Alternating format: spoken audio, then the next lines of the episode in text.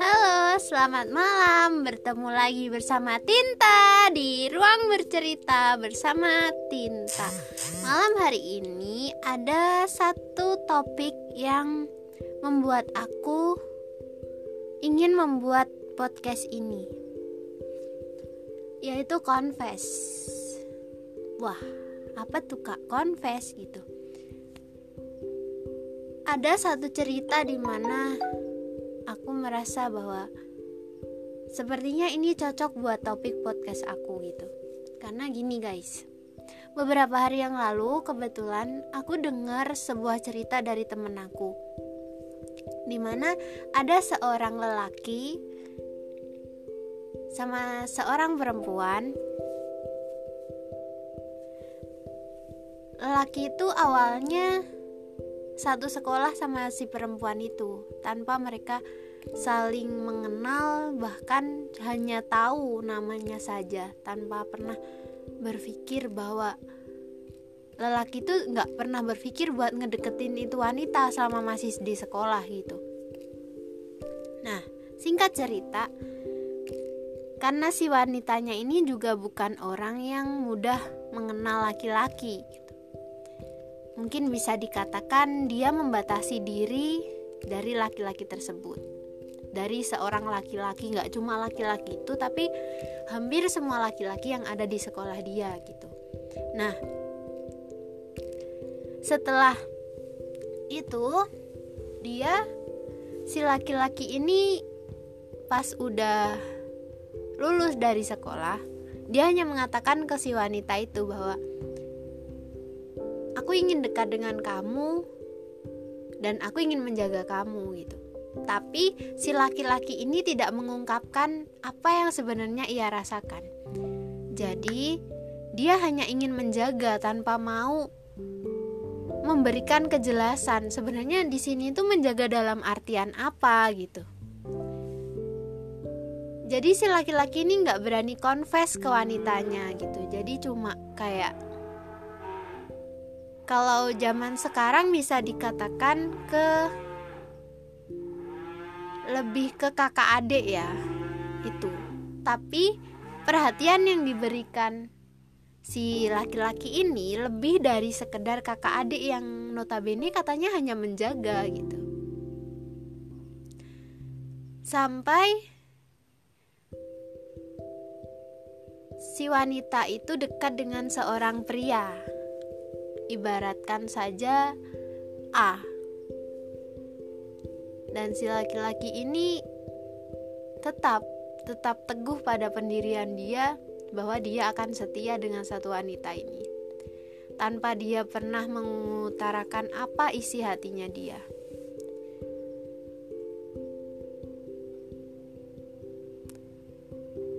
Terus habis itu pada akhirnya si wanita dan si A ini melakukan sebuah kesalahan hingga menyebabkan si wanita ini hamil di luar nikah.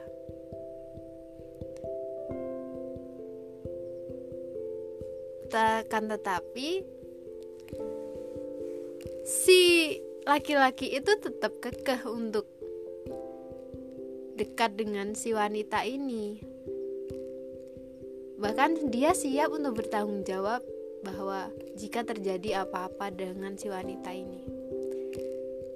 Akan tetapi si wanita ini tetap memilih A dan meminta pertanggungjawaban atas perbuatan mereka. Kalian tahu dengan tabahnya si laki-laki ini tetap setia menunggu. Sampai dia sendiri juga tersadar gitu. Jadi kesimpulan dari cerita itu adalah jika kalian itu ingin, jika kalian itu suka, jika kalian itu emang benar-benar menginginkan seseorang, ungkapkan.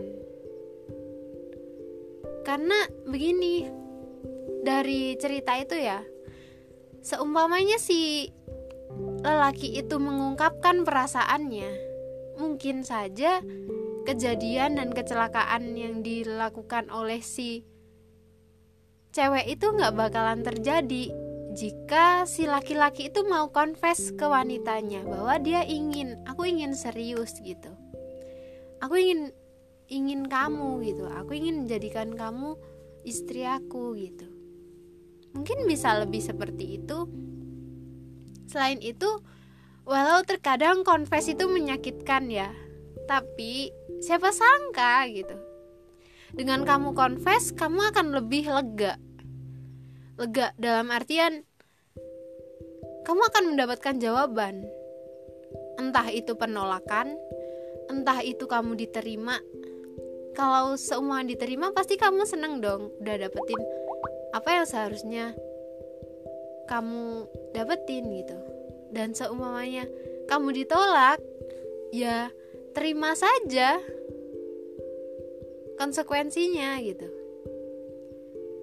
Jadi nggak ada salahnya buat confess ke orang yang emang kamu inginkan gitu nggak apa-apa kamu cewek entah kamu cewek entah kamu cowok apa pun itu confess aja dulu perihal nanti kamu diterima atau tidak itu urusan belakangan karena apa di saat kita telat buat confess di saat kita telat uh, di saat kita udah terlalu lama menyimpan ada banyak kemungkinan yang bakalan terjadi.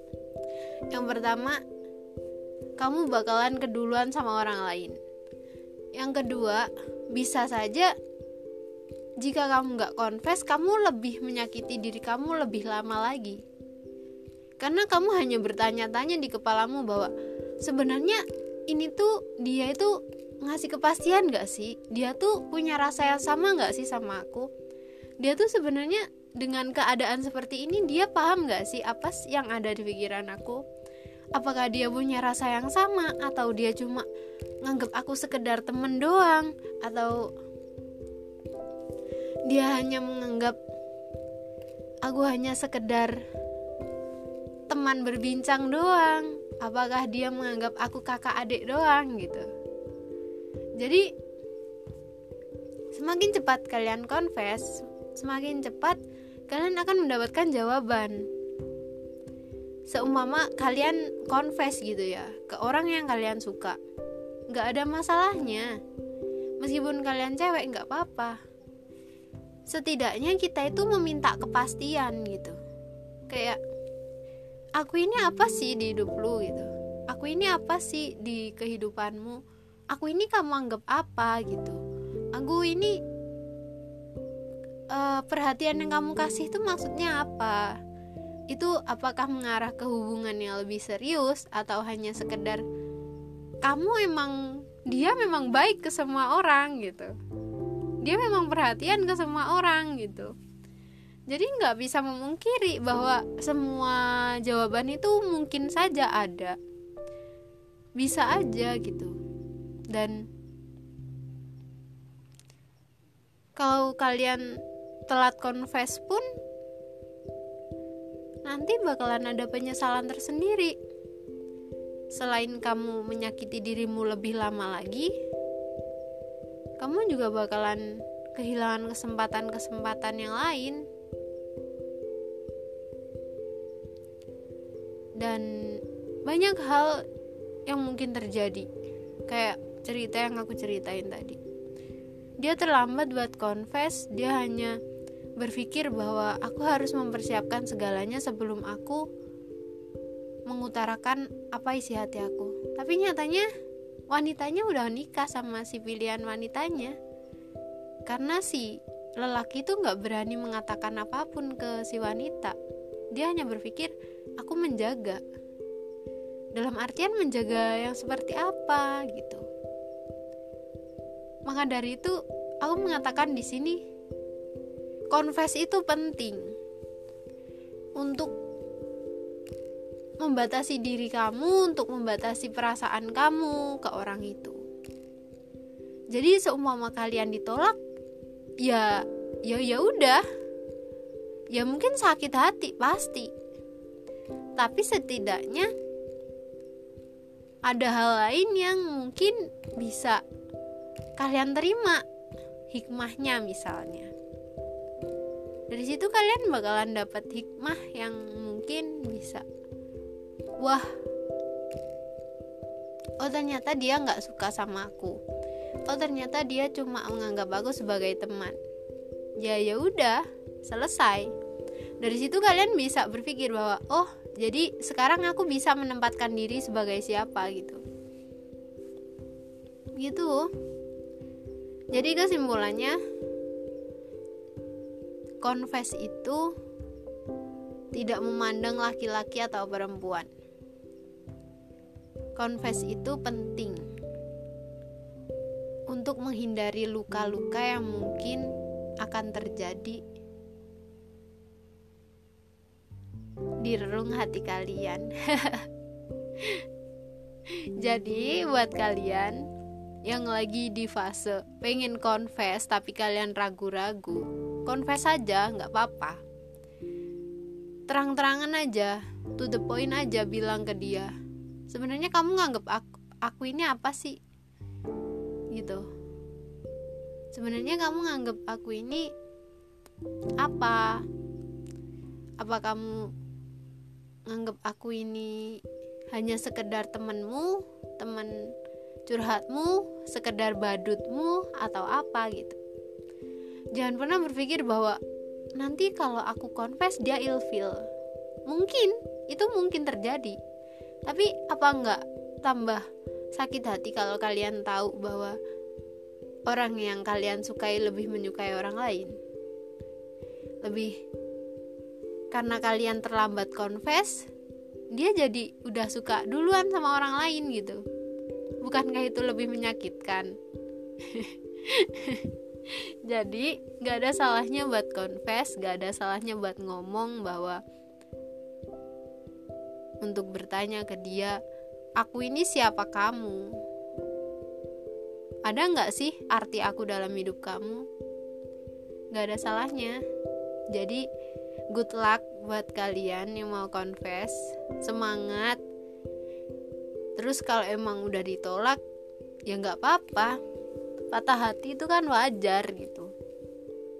Nggak perlu terlalu apa-apa. Tetap semangat oke okay? terima kasih udah mendengarkan